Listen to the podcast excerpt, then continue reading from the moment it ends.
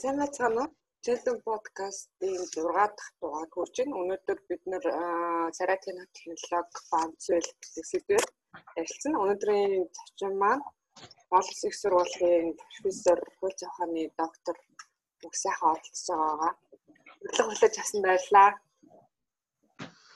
За намайг үрсэнд маш их баярлалаа. Ер нь энэ тал дээр таны хувьд ямар байр суурьтай байгаа вэ? Яг нөгөө үндсэн хуулийн 16-гийн 13 дээр хүн халтшгүйчлээдээ байх хэрэгтэй гэж бичигдсэн байгаа даа тий. Тэгэд энэ дэр нэлээд яригдэл байх шиг байна л да. Хүний яг а суурь эрхлүү халдсан үйлдэл боллоо ямарваа нэгэн байдлаар сонгогдсон өөрөө нар түнэ хянан гэдэг нь өөрөө өстөөгөө үйлдэл, сортонгүй үйлдэл гэж яригдж байгаа. Энэ тал дээр За яг хөө ер нь энэ дэр чинь одоо нөгөө зарим хүмүүс бол яг хөө одоо ян одоо хүмүүс бол жирийн иргэд бол одоо нэг сайн мэдхгүй байж магадгүй энэ мэдээлэл хүрээгүй. А гэхдээ энэ дээр бас ингээд сонирхож байгаа одоо өөр өөр мэрэгжлийн одоо ажил хийдэг сурдаг хүмүүс бас ингээд нэгдээ те та бүхэн шиг ингээд подкаст хийгээ уулзаад яриад энийг сэдв болгож байгаад бол одоо маш их талархаж хүлээж авч бас хөндлөнгөөс ажиглаад те мэдээлэл аваад дэмжиж байгаа. А зүгээр миний хувьд бол одоо энэ царай тань таних те одоо ухаалаг камерын асуудлыг бол нөгөө өөрийнхөө судалдаг одоо үндсэн хуулийн эрх зүй хүний эрхийн үүднээс бол нэлээд бас одоо анхаарч ажиглаж байгаа. Тэгээд энэ анхаарал одоо анх өртсөн нь бол одоо одоогоос 4 5 сарын өмнө байхаа тий нийслэлийн одоо мэдээллийн технологийн газрын дарга чин зориг гэж хүний одоо ярилцлага бол сонинд гарсан. За тэр хүн бол Улаанбаатар хотын одоо суушлын бүсийн 10-аас 20% нь өнөөдөр камердсан байна. За ойрын хэдэн жил одоо 20 онд бол 80%-ийг нь камержуулна тий. За ухаалаг гэж бид нэр орчуулад байгаа. Смарт камер гэж уг нь бол смарт гэдэг маань бас арай ухаалаг биш л дээ. Ухаалаг гэдэг чинь reasonable юу гэсэн арай нэг жоохон юу утгатай. За тэр нэр том явах. Манад бол ухаалаг камер гэд хэллээд байна. За тэгээд ухаалаг камер гэж байгаа тэр ярилцлагаар бол ерөөсөө хүний хөдөлгөөн, царай тий үйлдэл ингээ бүгднгийн ингэж таньдаг одоо хин гэдгийг нь ерөнхийдөө хов хүнийх нь хувьд тэр камерт өртөх юм бол рекорд хийж ягаад тэр сангаасаа ингээ илрүүлчин олчин тий ийм камер гэжсэн одоо ярьцлага өгсөн байгаа юм. За тэгээд энэ дээр хамгийн одоо ноцтой нь бол юу гэхээр одоо хятадын жишээ аваад хятадын одоо тэр олон тэр одоо олон сая хүнтэй тэр газар бол 30 минутын дотор нэг хүн илрүүллээ гэдэг ингээд одоо тийм сайн жишээ маягаар ярьцсан. Тэгээ энэ бол одоо та бүхний бас одоо миний те ингээ бидний ингээс анхаарлыг бол татсан сүүлийн нэг одоо ярьцлага гэж харж байгаа. Тэгээд энэ камерыг худалж авсан уу, яасан те суурлуулсан уу, одоо ямар шатанд явж байгаа гэдэг надад бол тийм одоо цаг үеийн мэдээлэл бол алга. А гэхдээ энэ дээр би одоо юу вэ гэхээр зөвхөн хүний эрхийн зарчим талаас нь болвол нэг одоо хідэн зүйл бол бид нар энэ асуудлыг зөвшөөрөх хэсэгтэр заавал одоо шийдэх ийм шаардлагатай байна. Тийм. Тэгэхээр тэхийн тулд тэгвэл манай Монгол улсын үндсэн хуульд ямар одоо яг энэтэй холбоотой одоо эрхүүд хамгаалагдсан бэ гэдгийг бид нэр эхлээд гаргаж ирэх ийм шаардлага гарчиж байгаа байхгүй. Тийм. Тэгэхээр одоо энэ дотор хамгийн одоо чухал нь бол түрүүн өөрөө чинь хэлсэн тэр үндсэн хуулийн 16-гийн 13-т байж байгаа халдашгүй чөлөөтэй байх эрх гэж ийм ерөнхий эрх байгаа. За энэ эрх маань бол одоо манай Монгол улсын үндсэн хуулийн нөгөө одоо яг үндсэн хууль баталсан хүмүүс чинь өөрсдөө одоо хүний эрх чөлөө тэгш байдлыг хамгаалахын тулд одоо зайлшгүй чухал эрхүүдийг жагсааж үндсэн хуульд оруулсан. Одоо үзэл бодлоо илэрхийлэх, шашин шүтэх гэдэг. Тэгээ энэ үндслүүд нь бол өмнө нь Монголд одоо энэ эрхүүдийг ноцтой зөрчиж исэн одоо зүйлүүдийг дахиж гаргахгүй төлөө л энэ эрхүүдийг үнд зүйлдэ жагсааж оруулсан байгаа юм. Одоо жишээлбэл хүмүүсийг 37-оос 39 онд бол зүгээр одоо буудаад алчдаг те геноцид үйлдсэн шүү дээ. Бүрээд гэдгээр нь язгууртан гэдгээр нь те. Тэгэхээр ийм имийг давтахгүй тул жишээл хадшгүй юу хадшгүй чөлөөтэй байх хэрэг аа тэгээд одоо тэр шударгаа шүүлэх хэрэг эдрийг ингээд оруулсан байгаа юм.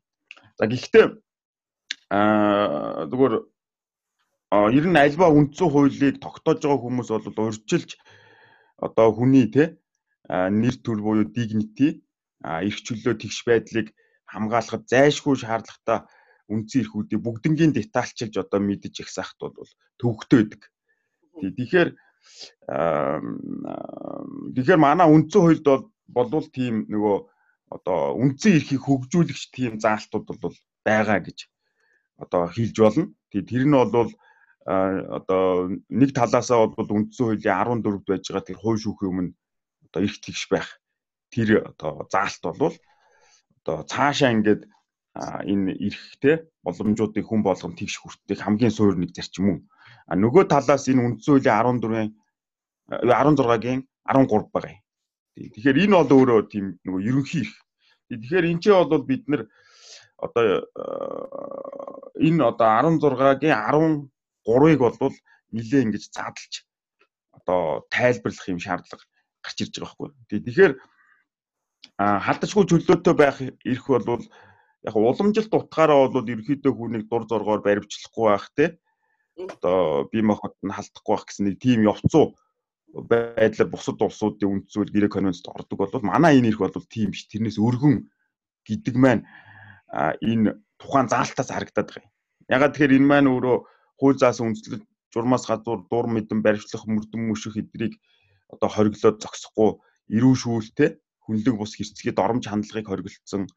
Дээрээс одоо орон байрны халтшгүй байдал одоо захидал харилцааны нууцын халтшгүй байдал гэдэг ингээд маш өргөн агуулгатай жишээнүүд нь ард нь явж байгаа байхгүй. Тэгэхээр товчхондоо бол юу вэ гэхээр одоо Монгол улсын үндсэн хуулийн энэ 16-гийн 14-ийн юу 16-гийн 13-ийн энэ халдшгүй чөлөөтэй байх их дотор болвол энэ хувийн халдшгүй байдал гэсэн энэ одоо их бол багтж байгаа.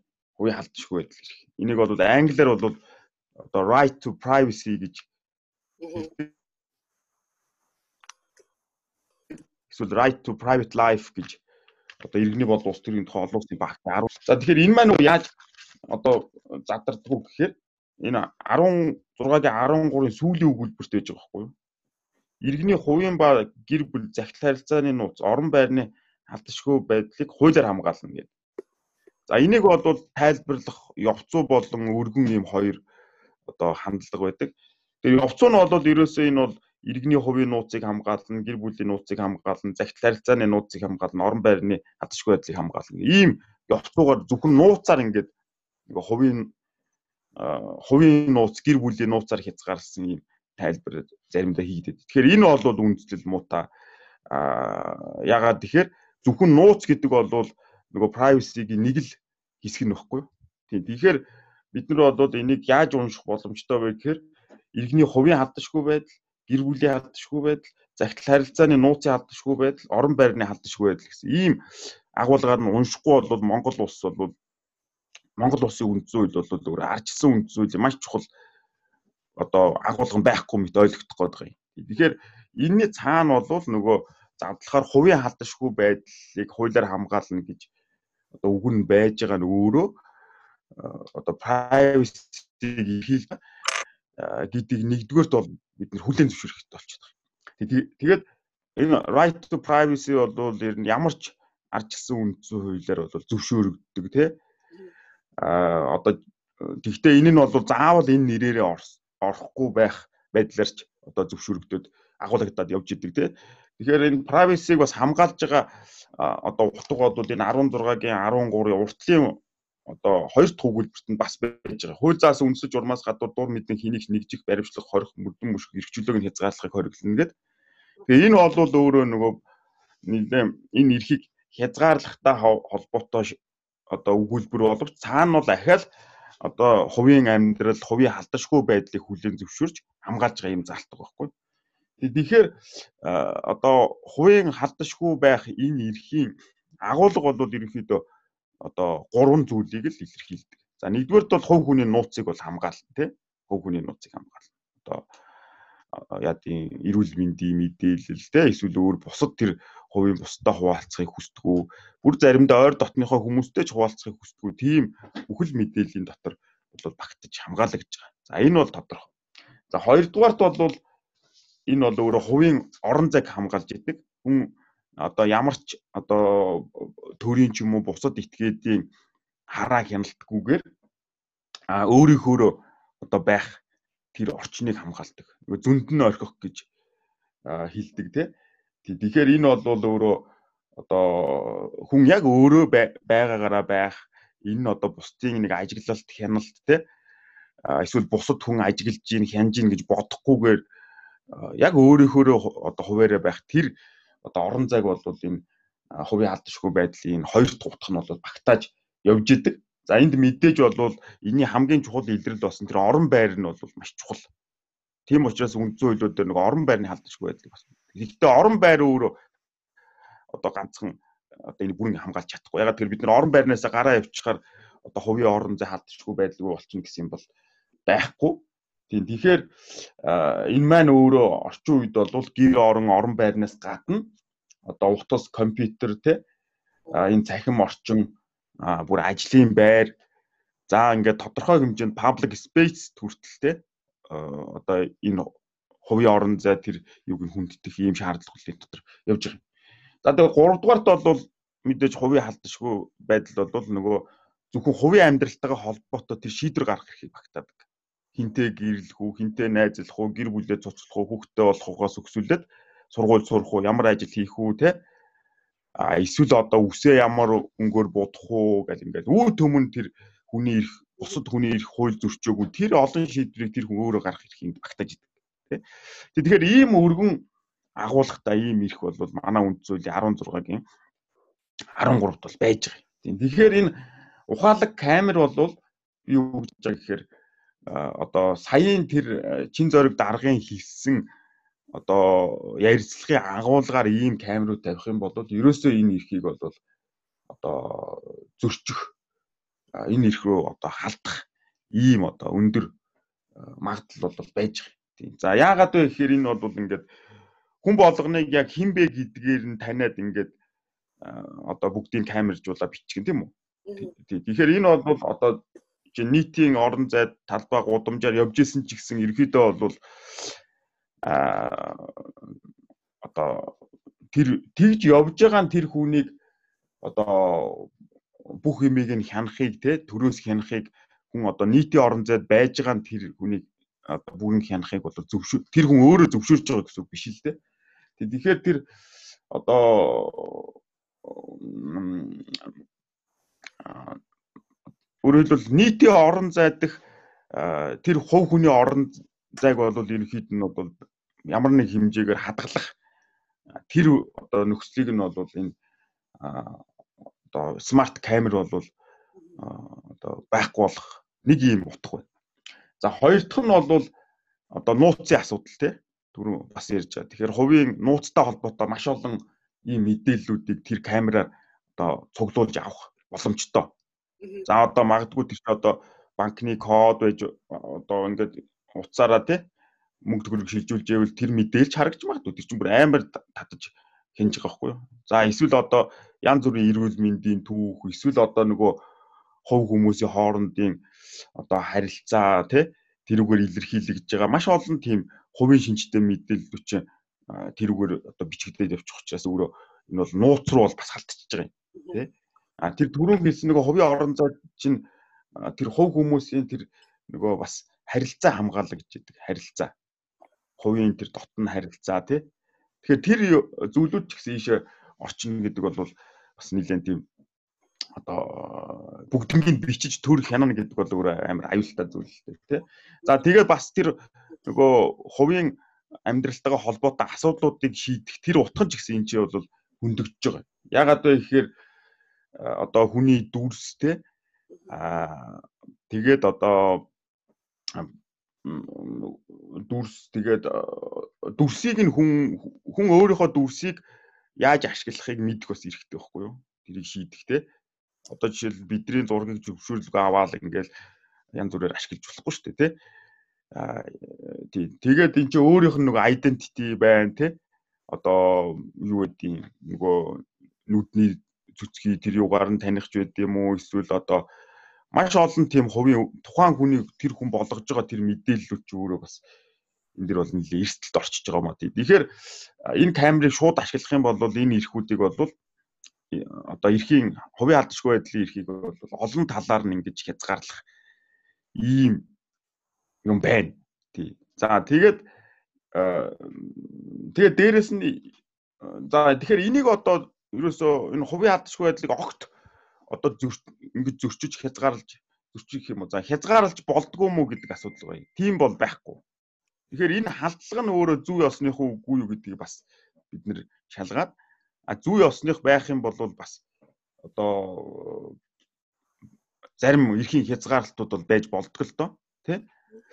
Тийм тэгэхээр тэрийг бас шалгадаг юм ахаал манай үнд зүйл байж байгаа л да. Тэгээд энийг ярихаар бол нэлээд цаг авах гад байна. Зүгээр товчхондоо бол үндсэн хуулиар хамгаалагдсан эрхийг ер нь бид нар хоёр ангилдаг. Абсолют буюу туйлын эрх гэж байдаг. Одоо төр хизээж хязгаарлалт зөрчиж болохгүй эрх. За энэ нь бол одоо жишээлх юм бол үзэл бодолтой байх эрх чөлөө. Тэгээ дотоод эрх чөлөө. Тэгэхээр хүнийг муухай юм бодож ийн аимшигтай юм бодож ийн гэж шийдэж болохгүй. Энэ бол абсолют эрх чөлөө. Зүгээр бодлоор нь хүнийг шийдэж болохгүй. Эсвэл дотоод тэр яг ямар ихтгэл үнэмшилтэй вэ гэдгийг абсолют хизээч хязгаарлахгүй эрэхтэй. А харин а за өөр одоо эрүүл шүүлтээс ангид байх хэрэгтэй. Энд чинь бол бас абсолют хизээч энийг зөвчлөхгүй гэдэг.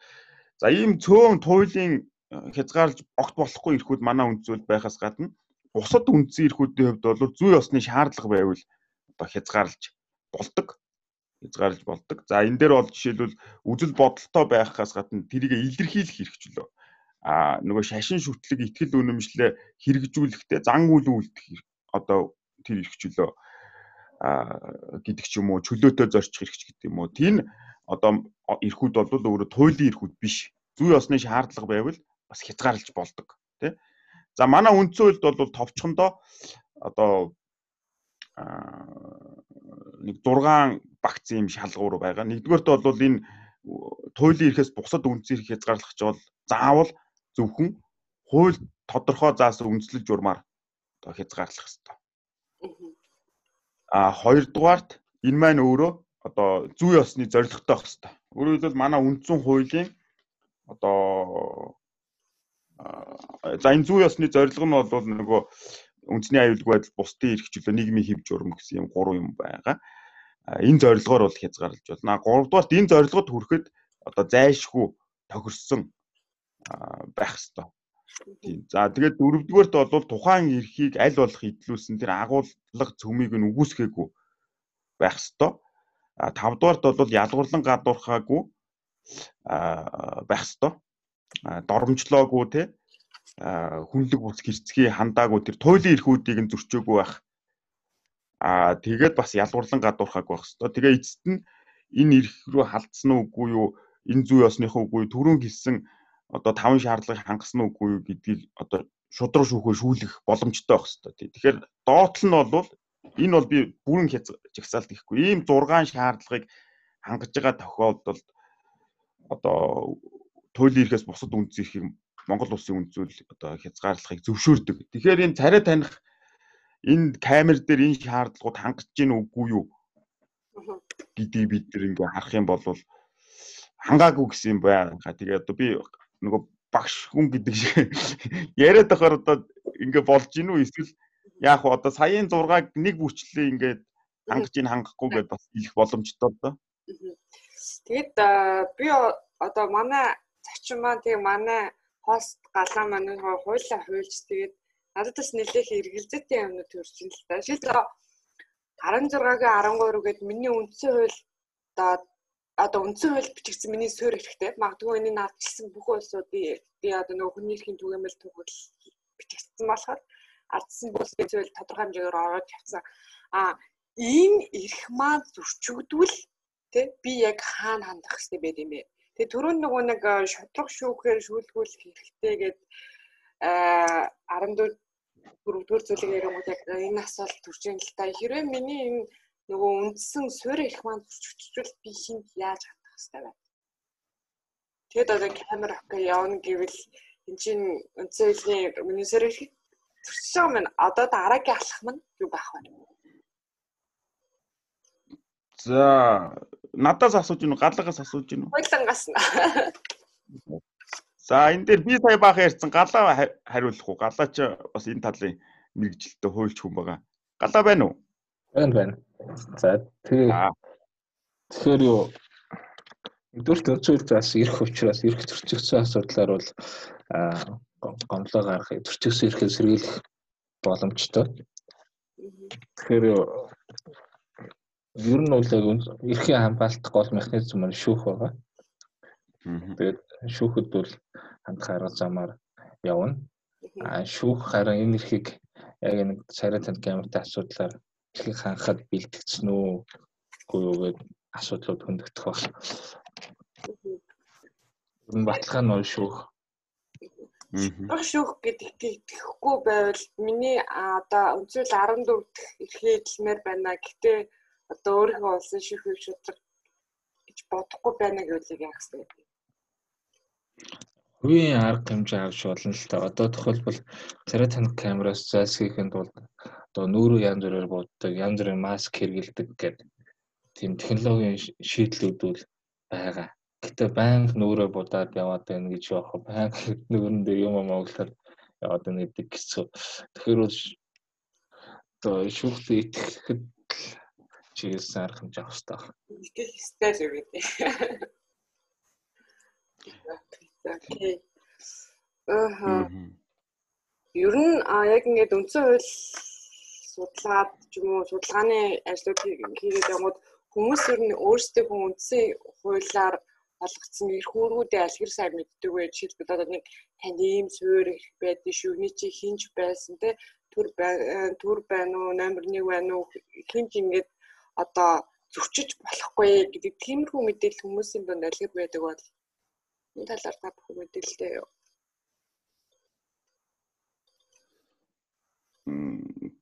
За одоо энэ дээр бол хүмүүс хэр мэдчихэдэг вэ? Те ер нь бол энэ эрхийн боловсролын асуудал хөндөгж л да тэгэхээр энэ манай ерөнхий боловсролын сургуулиудад те хэр заагдж байна энэ дээр бас бид нэр анхаарах хэрэгтэй. Өөрөлдөл одоо эн чинь одоо уг нь бол нэг иргэний боловсрал гэх хичээл 2009 онд баха үүсгэжсэн тэгээд би нөгөө тэр үед Японд байхад бас их талархаж их чухал хичээл байна гэж бодож исэн байхгүй юу. Тэгээ Монголд ирээ харсан чинь нөгөө хичээл маань а баг одоо 60 70% нь бол иргэний тэр нөгөө иргэнийхээ хувьд те нарцсан нийгэмд амьдрах одоо шаардлагатай тэр мэдлэг чадвар те эрхийн боловсрал арчлалын боловсрал юм нь маш бага. Тэгээд ихэнх нь болохоор тийм нөгөө одоо өөр агуулгатай тий. Жишээл Монголын уламжлал одоо эсвэл одоо хоёр настай эр үхрийг юу гэдэг үуч гэдэг юм уу? Эсвэл ингээ буддын шашны юм агуулгатай болцсон. Одоо их тав ухаан баг тав ухаан гэх нэг тийм болцсон байсан. Тэгээ би сурах хүчгүүдийн бүгдийг үйлсэн л та. Тэгсэн чинь одоо тэр хичээж байхгүй болоод бас нэг бүр юу ч гэлээ. Ёс зүйч гэлөө ёс суртахуунч гэлөө нэг тийм болоо явж байгаа. Тэгэхээр ямар ч байсан одоо ингээд бас нэг би яг судалгааг нь санахгүй байна. Нөгөө арчлалын үнэт зүйлд ихтгэл үнэмшилтэйгээр нь хүмүүсээс ингээд асуулга аваад үтсэн чинь ахмаг насныхан одоо одоо тогтолцоо тий арчсан дэглэм парламентын арчилд бол илүү тийм олонх нь хилэг олонх нь ихтгэл үнэмшилтэй байна.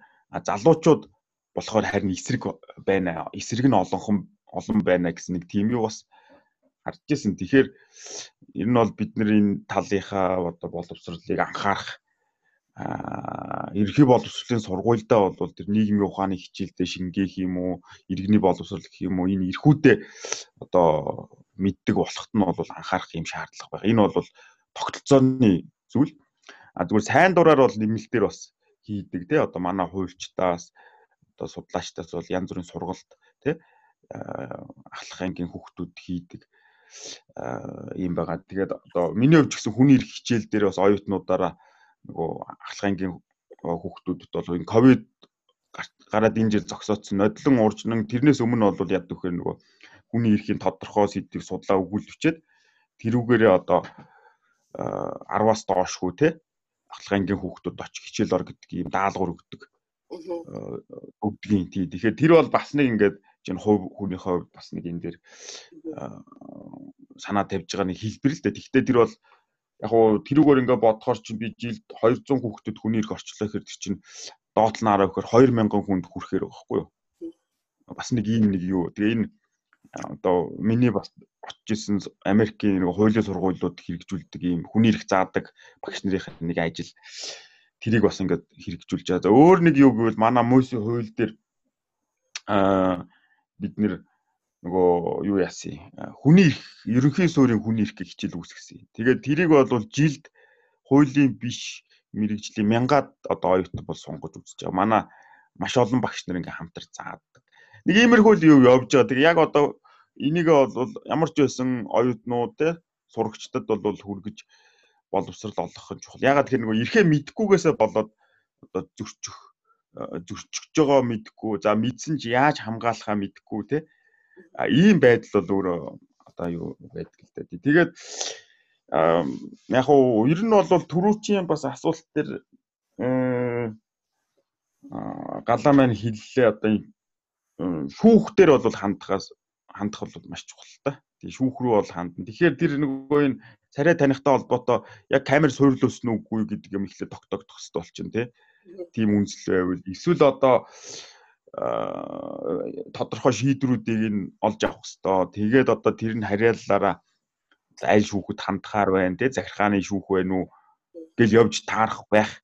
Гэхдээ энэ өөрөө явж явж бол одоо юуны асуудал. Одоо үндсэн хуулийн маргаан хамгийн гол нь үндсэн хуулийн маргаан. Тэгэхээр энэ чинь манай үндсэн хуулийн цэц бол маш чухал үүрэгтэй. Аа тэгээ уг нь бол үндсэн хуулийн цэц сая нөгөө нэг энэ эрхийн агуулгыг хөгжүүлж тайлбарлаа тий туйлын эрх энэ байна туйлын биш үндсэн эрхийг хязгаардвал ийм шаардлага тавьд юм а манай үндсүүл юм байд юм а гэж хөгжүүлэх хэрэгтэй байхгүй. За манай цэц бол өөрөө тэрийг одоо хангалттай хийж гин үгүй гэдэг юм бас тавигдж байгаа. Тэгэхээр зүгээр одоо бидний хувьд маш илэрхий зүйл бол юу вэ гэхээр энэ камерыг одоо ингээд шууд суйрлуулчих гэж бодъё. Одоо яг энэ тэр нийслэлийн мэдээлэл технологийн газрын дарга өөрөө шийдвэр гаргаад ч юм уу эсвэл одоо яа тийм тийм нийслэлээс шийдвэр гаргаа эсвэл одоо засгийн газрын тогтоол гаргаад ч юм тий. За энэ бол шууд илт үндэсөө зөрчиж байна. Ягаад тэгэхээр энэ хуйлгүйгээр одоо ямар нэгэн үндсэн эрхийг хязгаарлахыг хоригддаг.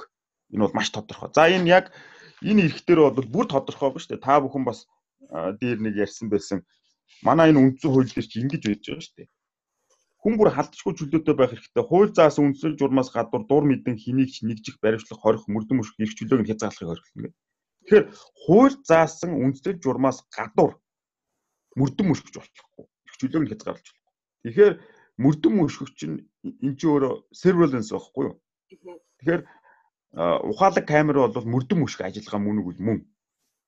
Тэгэхээр эн чинь зөвхөн хууль заасан яг ямар үндслээр хийгдгийг тэр үндсэл нь байх хэрэгтэй хавтгаад нь одоо 3 сая хүнээ Улаанбаатартайгаа сая 500 хүнээ хавтгаад нь хянж болохгүй гэж ямар ч үндэс байхгүй. Тэр үндэслэл нь өөрөө хуульд байх хэрэгтэй байхгүй. Тэгвэл яг ямар журмаар хийх юм гэдгийг наривчилж хуульчлах хэрэгтэй. Тэгэхээр дээрэс нь манайх үнцөлийн нэг хоёрт хууль дэдлэх нь төрийн үйл ажиллагааны үндсэн зарчим гэж байдаг.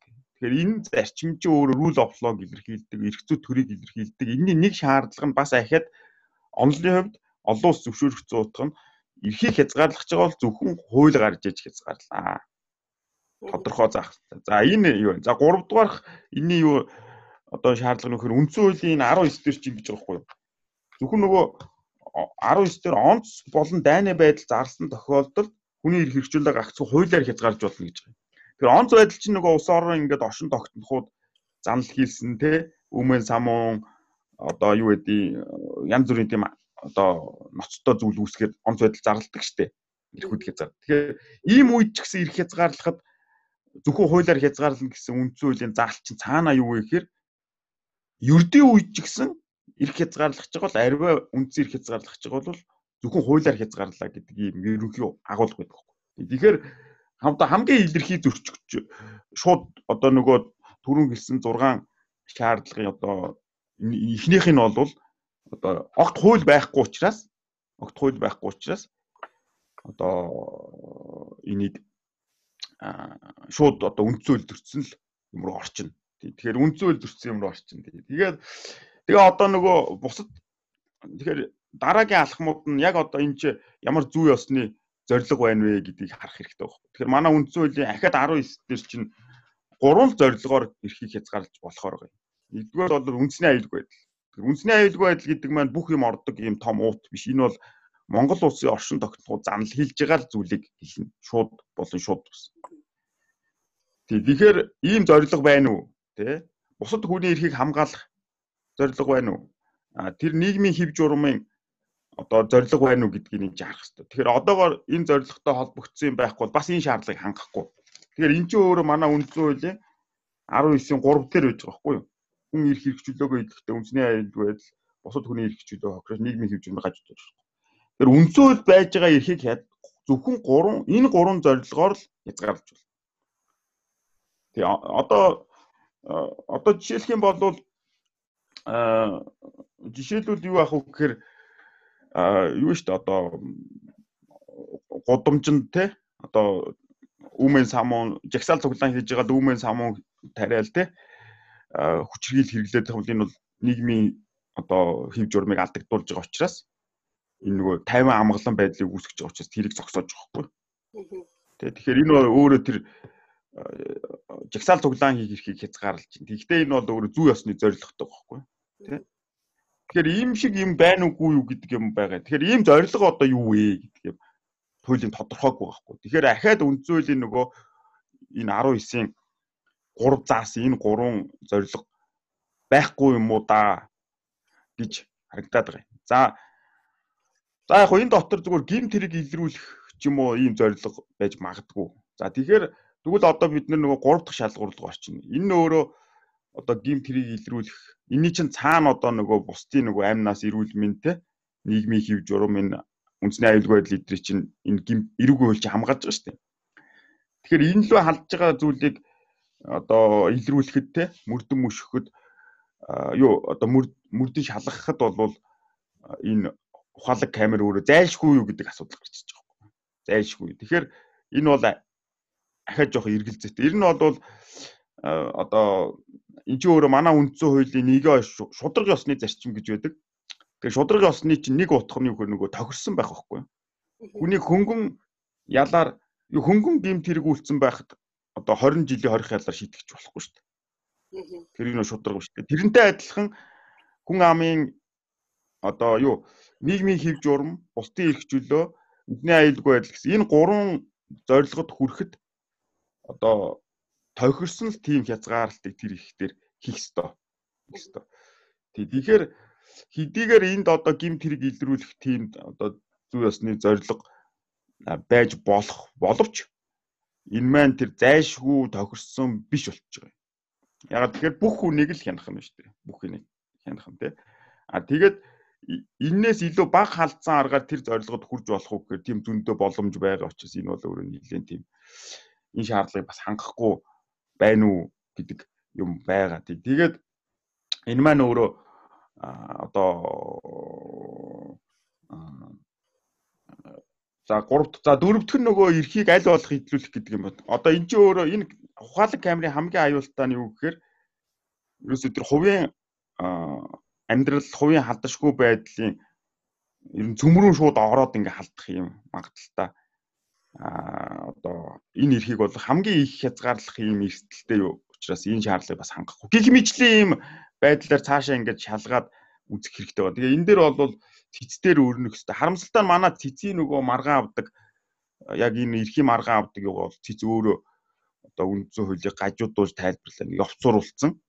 Тэгэхээр бид нэр зөвхөн хууль улсын хурлын бусад шийдвэрч гэдэг юм уу тэр үндсүүлийн 66-гийн хоёр жагсаасан хитэн зүйлэл одоо эрх зөрчсөн үгүй юу гэдгийг одоо цэцдэх боломжтой. Тэгэхээр тэн дээр одоо засгийн газрын шийдвэр ч юм уу ерөнхий сайдын захирал бахимд сайдын шийдвэр тиймэрхүү юмнууд цэцтэй хариалагдана. Тэгэхээр тийм хариаллын одоогийн хуулийнх нь хүрээнд багтдаг шийдвэр гарахгүй бол бид нар тэгэл захиргааны шүүх дээр явах. Тэгээд уг нь захиргааны шүүхч гэсэн үндсэн хуулийг хэрэгжилж одоо тайлбарлах ёстой л доо. Тэгэхээр ерөнхийдөө бол үндсэн хуулийн цэцрүүгээ хандах хэрэгтэй гэж ойлгоод байгаа зүг үү? За яг уу ер нь бол одоо юм царай таних камер бол суурлуулах нь одоо хэрвээ яг энэ яриагаар ярианыхаа дагуу суурилдвал болохгүй гэдэг үндслийг яриад нэг бол одоо олон нийтийн одоо тий санаа бодол шахалт гэх юм уу тий? А энэ одоо мэрэгжлийн хүмүүс тий IT-ийн хүмүүс хуулийн хүмүүс судлаачид ингээд шаардаад энийг бол бас одоо зогсох боломжтой тий. Тэгэхээр та бүхний энэ хийж байгаа подкаст энэ хилцүүлэг эдгээр бол бас одоо шийдвэр гаргах гэж байгаа хүмүүстэй энэ чи болохгүй юм байна шүү хууль гараагүй учраас болохгүй шүү гэдэг тэр юуг нь одоо хэлж байгаа учраас энэ энэ одоо юунаас болоо бас зогссон байж магадгүй тэрийг мэдэхгүй одоо зогсоох. Тэгэхээр энэ бол бас зүгээр нэг ардсны юм бас нэг арга шүү дээ. За тэгээ мэдээж бол энэ ч одоо нөгөө түрүүн галаагийн хилдгээр ердийн шүүхүүд рүү те захиргааны шүүх рүү ялангуяа те хандах ийм юмнууд гарч ирж болно. Одоо захиргааны ерөнхий хууль дээр захиргааны одоо төрийн захиргааны байгууллагын одоо захиргааны акт те хин хэмжээний акт эднэр чи ингээд нийцэх хэвээр. Тэгэхээр тэр нь бол өөрөө бас механизм тий. За тэгээд цэцрүү болвол хандаж болно. Тэгвэл цэцрүү болвол яг одоо мөнх сайхангийн хүн одоо ингээд камер суурьлуулчлаа. Ингээ бүх хүнийг хяндаг болчлаа нөгөө 80% та. За тэгээ явсан чинь захиргааны шүүхөөр яваад тэрийг хамгаалж чадаагүй. Одоо захиргааны шүүх рүү хандсан чинь одоо хийсвэрээр бодъё л та тий.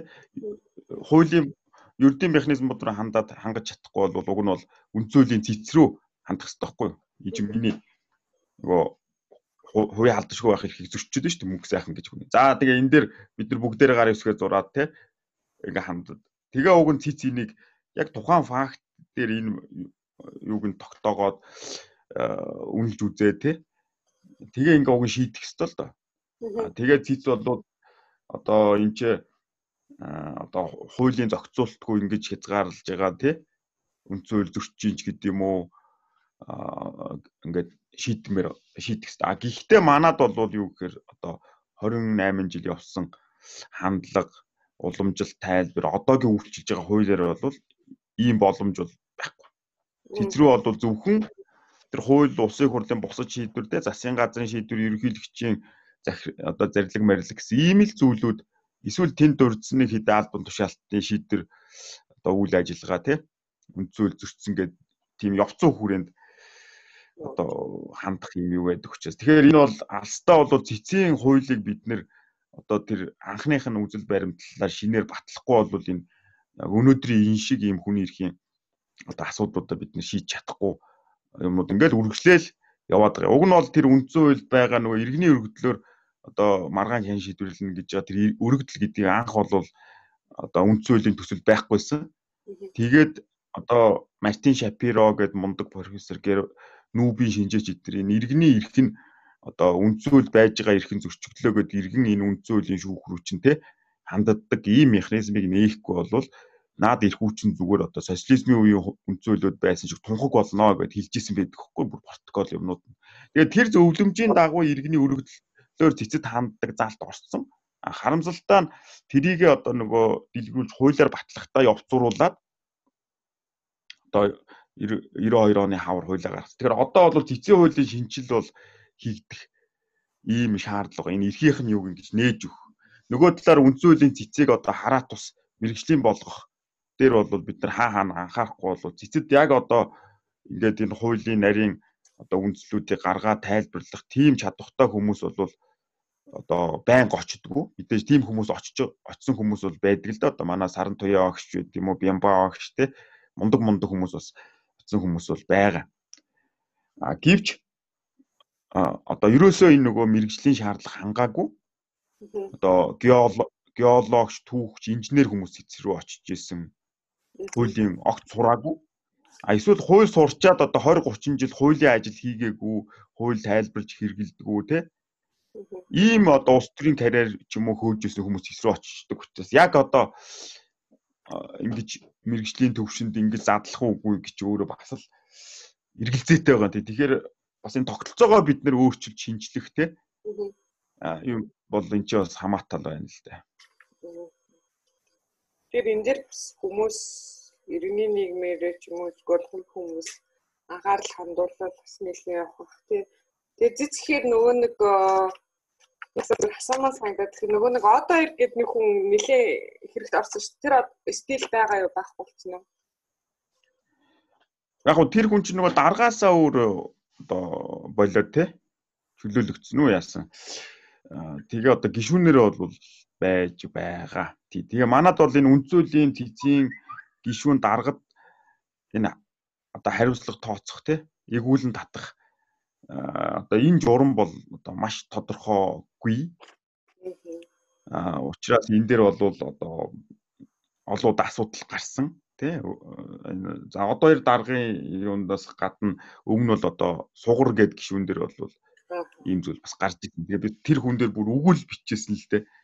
Одоо өөрийнхөө өмнө төрийн албанд өндөр алба хашиж явахдаа хөрөнгө орлогынхоо одоо жилийнхаа юу вэ?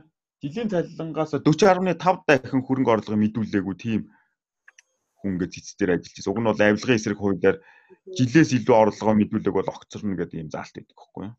Тэгэл тэр хүн бол тэгэл гүрийж ажилласаар гал тэгэл бүр ихэн тусаал явсан. Тэгэхээр энэ дээр ахаа цэцэн хуулийг шинжлэхдээ ахаад энэ дээр энийг тодорхой болгох те ядахтаа энийг шалгаж шийддэг те яг үнэхээр тийм болсон юм уугүй гэдгийг шалгаж тогтоохч процедур бол мэдэхгүй байхгүй. Тэгээд тэр сугар гишүүнийх тэр тухайн үеийн цэцэн дарга хуулиар огт олгогдоогүй эрх хэмжээг бүр эрх хидлээд яалаа сахилгын арга хэмжээ авч исэн. Тэгээ бас л нэг тийм одоо дур зорго үзэмжээр хийж исэн юм тохиолдол гарч исэн. Тэгээ тэр нь өөрөө одоо хуулиас гадуур уг нь бол цэцч гэсэн хууль дээдлэх ёстой тийм газар. За энэ бол ингээд жоох өөр яриа лу. Ороо цэцийн нөгөө подкаст болчих гээд. Тэгээд зүгээр одоо энэ дэр би түрүүн бас нэг үлдээсэн юм юу вэ гэхээр энэ ухаалаг камерыг те яагаад хуулиар зохицуулах хэвээр яагаад зүй ёсны зорилготой байх хэвээр яагаад энд хүрэхэд зөвхөн зорилго хэрвээ байвал зайлшгүй байх хэвээр тэр эрхийг аль болох хөдөлгөх хэвээр гэдэг ийм шаардлагууд тавиад байна гэхээр энэ чинь уруулаа ашиглахаас сэргийлж байгаа хгүй. Өөр ийм наривчсан зохицуултгүй ингээд хийхээр энэ бол өөрөө хуулийн хамгаалтгүй одоо ямар нэг эрхийг хязгаарласан арга хэмжээг хийх нь өөрөө цаанаа бол маш аюултай. Яг тэгэхээр энийг одоо хийж байгаа хүмүүс дур зоргоороо те энэ цуглуулсан мэдээллийг одоо өөр зорилгоор, хувийн зорилгоор ашиглах уу? Улс төрийн зорилгоор ашиглах уу те? Одоо жишээлбэл сая өвөр Монгол гарлаа гэж яриад шүү дээ. Нөгөө Монгол хэл бичгийн одоо тэр боловсролын тогтолцоо хөндөд хязгаарлаж байгаа дээр шүүмжилсэн хүмүүсийг энэ одоо смарт камераараа барьж аваад олон жилээр хорж гинөө гэл ингээл те. Тэгээд зүгээр үзэл бодлоо илэрхийлснийх нь төлөө. Те тэр нь зөв буруу бол тусдаа хэрэг те. Тэгэхээр ийм зорилгоор ашиглах эрсдэл. Одоо байгаа энийг бид нар хаагаагүй дээрээс энэ цуглуулсан мэдээллийг яаж хадгалах тухай хууль ямар зохицуулт байхгүй. Тэгэхээр одоо тэрийг өөр нэг хүн хакертад авчих юм уу? Эсвэл одоо хайхрамжгүй байдлаар алдчих юм уу? Тэгвэл яах юм тэр мэдээллүүдийг яах хэн хариуцлах хүлээх юм тийм үү гих мэтлэг ийм уруулаа ашиглах өндөр магадaltaй магадaltaй нь өөрөө ерөөсөө энэ эрхийг одоо хязгаарлаж байгаа энэ камерыг одоо хууль байхгүйгээр хийж болохгүй. Хууль гарсан ч гэсэн энийг хязгаарлаж чадах уу гэдэг юм байгаа юм. Тэгээд эн чинь өөрөө юу гэхээр а одоо тодорхой хүрээ хязгаартай байх хэвээр тэр хязгаарлалт чи өөрөө эрхийг альва одоо хязгаарлалт. Тэгэхээр ийм ямар ч хүрээ хязгааргүй баг 24 цагаар тий хүний бүх юмыг ингэж хянж тагнадаг а ямар ч хугацаагүй тий Тэгэхээр эн чинь өөрөө бол ерөөхдөө манай үндсэн хуулийн одоо тэр шудраг ёсны зарчмаар илэрхийлэгдэж байгаа тэр одоо тохирсон байх гэж бид нэр орчуулад байгаа тэр proportionality-г ерөөхдөө зөрчиж байгаа юм. Өөрөөр хэлбэл тухайн одоо ямар нэгэн зүй ёсны зорилго бай тий. За одоо энэ гимт хэрэг илрүүлэх гэсэн зорилго бай тий. Гимт хэрэг илрүүлэх гэсэн зорилго.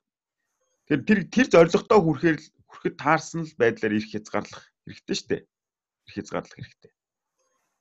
Аа гэсэн ийм шаардлага багхгүй. За энийг би бол нэг өөр юм дээр жишээ авчаад энэ юун дээр одоо булгал да. Одоо жишээлбэл манад яасан гэхээр нөгөө академиа цэг идүүгээд нэг сайт идэхгүй. Тийш Монгол судлаач тус ингээ өгүүлэлээ оруулцдаг. Ингээ зүгээр хүмүүст хүрэх үүднээс. Тэгсэн чинь нодлон урдын жилөө тэрийг хагаа ичваа. Бүхэлд нь хагаа ич. За тэгээд шүүмжил гарсан.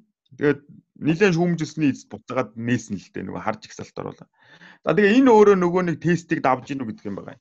Нэгдүгээр энэ өөрөө хуулиар зохицуулагдсан нүхээр хуулийн зохицуултгүй хийгээд байгаа харилцаа холбооны зохицуулахаар энэ бол тусдаа сэдв. Хоёрдугаарт энэ ч зүй ёсны зорилго нь нүхээр анх бол нэг хүний одоо бүтээлийг зөвшөөрлгүй академи зэгийг дүр оруулсан ингээ гомдол ирсэн ингээ хаасан гэдэг байна. За энэ тэгэхээр зохиогч эрхийг хамгаалах зорилго байна уу байна.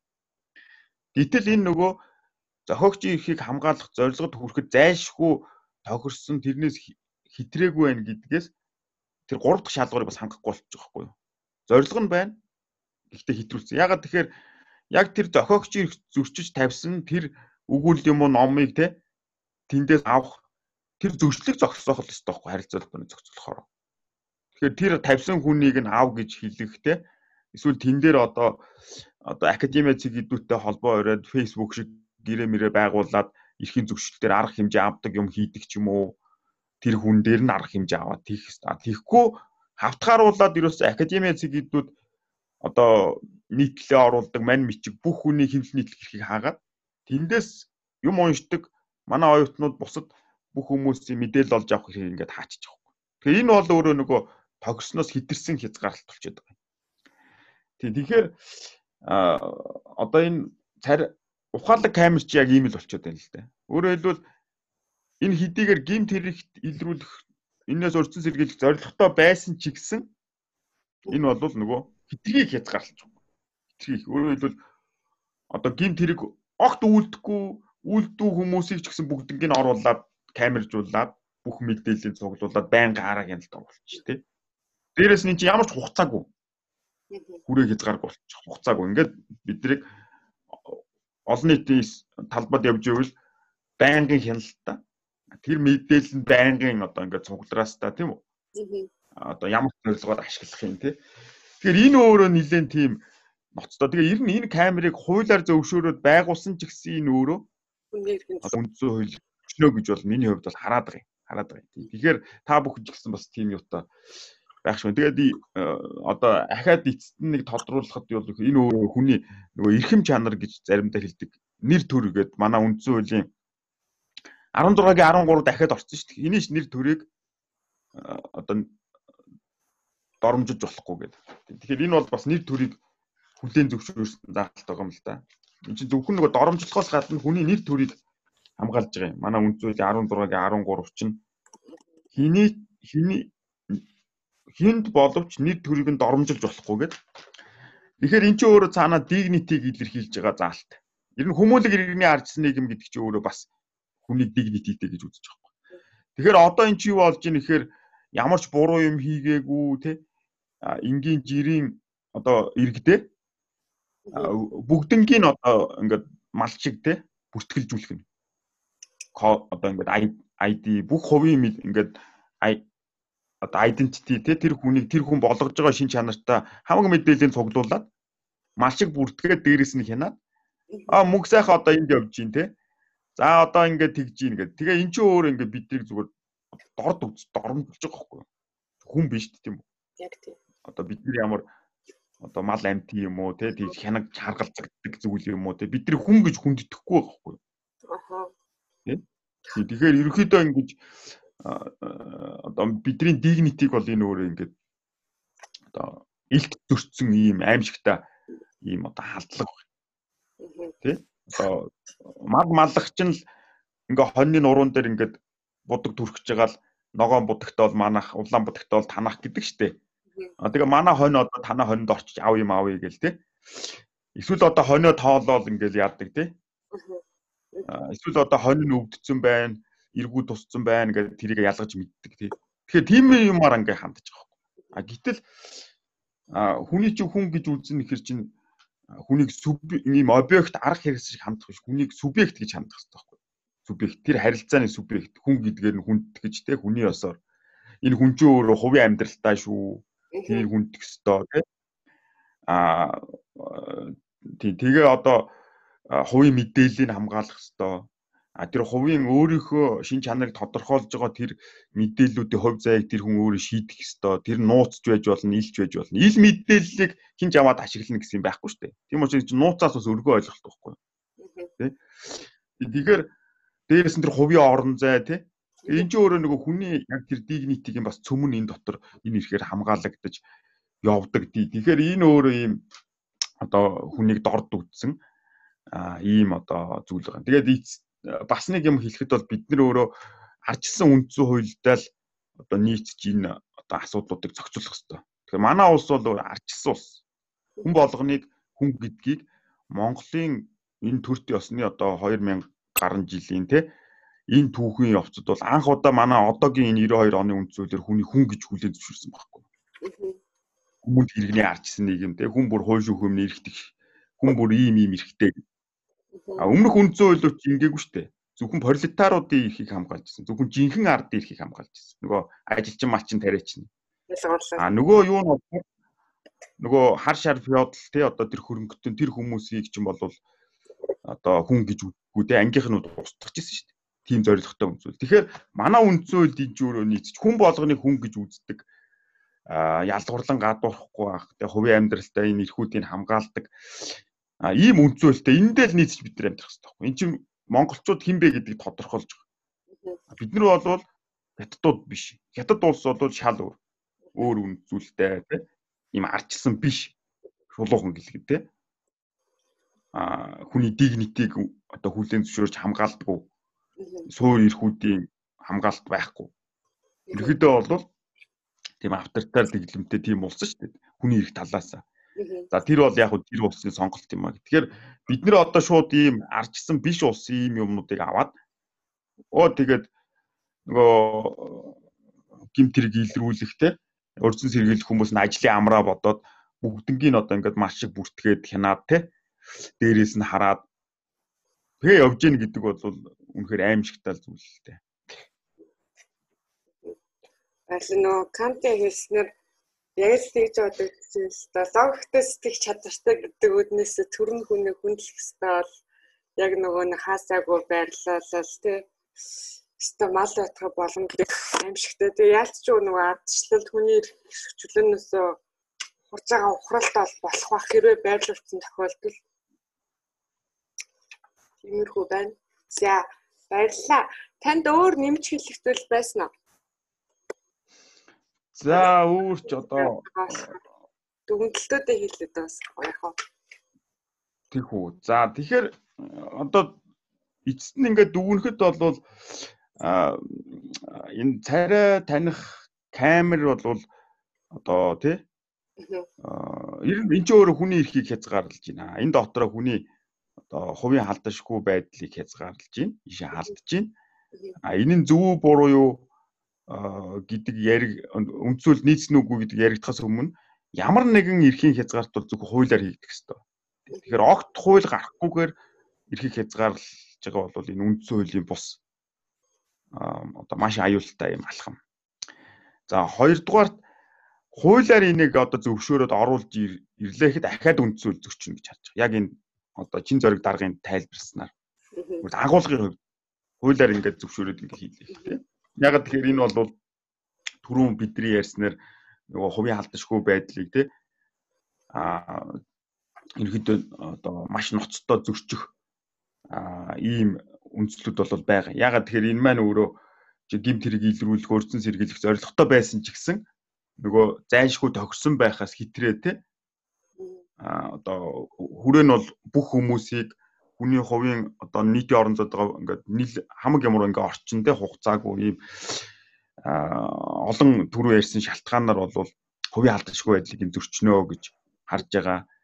За тэгээ уруулан ашиглагдах магадлал бол өндөр тэр эслийг бид нар бууруулж чадахгүй байх талтай. Ягаад тэгэхээр одоо хүртэл ашиглаж байгаа юмнууд дээр бид нар одоо энэ хамгаалтуудыг хийж чадаагүй шүү дээ. Гүйцэтгэх ажил, нууцаар мөрдөх мөрдөн шалгах ажиллагаа эднэр чинь хуулийн олигтой зохицуулт хамгаалт үхий гэж. Тэгэхээр тэрийгэ хийж чадаагүй гэж бид нар бүр тэрнээс илүү хүмүүсийг маасаар нь ингэж хяндаг юм нэвтрүүлэхээр тэрийг одоо энэ уруул ашлах эрсдлийг бууруулж чадна гэж одоогоор бол итгэхгүй байна.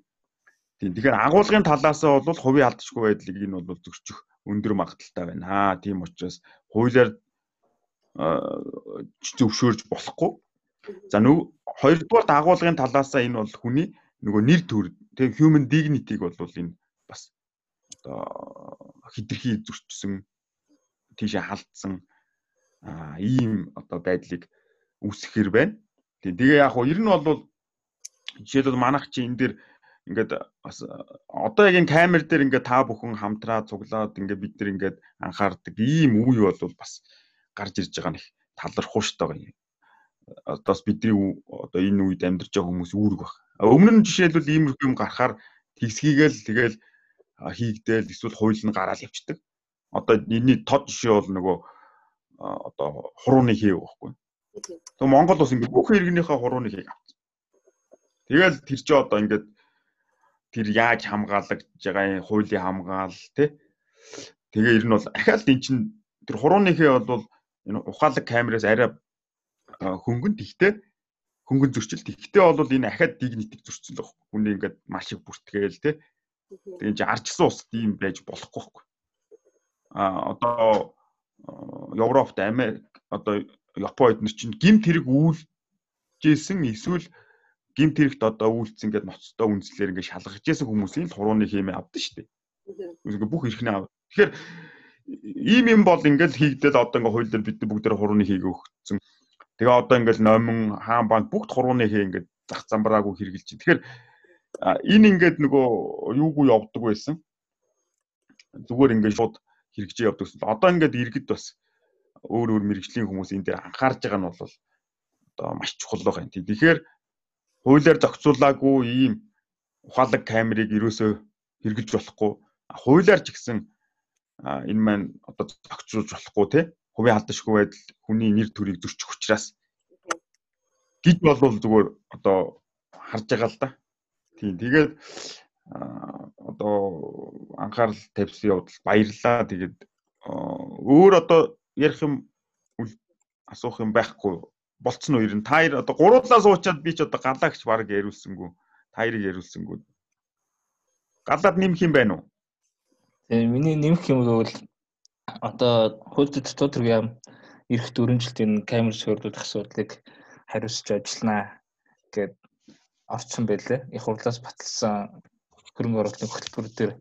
Тэгэхээр хууль дотор төргийн амных энэ подкастыг сонсоод маш анхааралтай сонсоод тэгээд хийх ажилдаа харгалзаж үзээрэй л гэж хэлэх байна. Өөрөөр ажлын дараа л зөв хийгээч.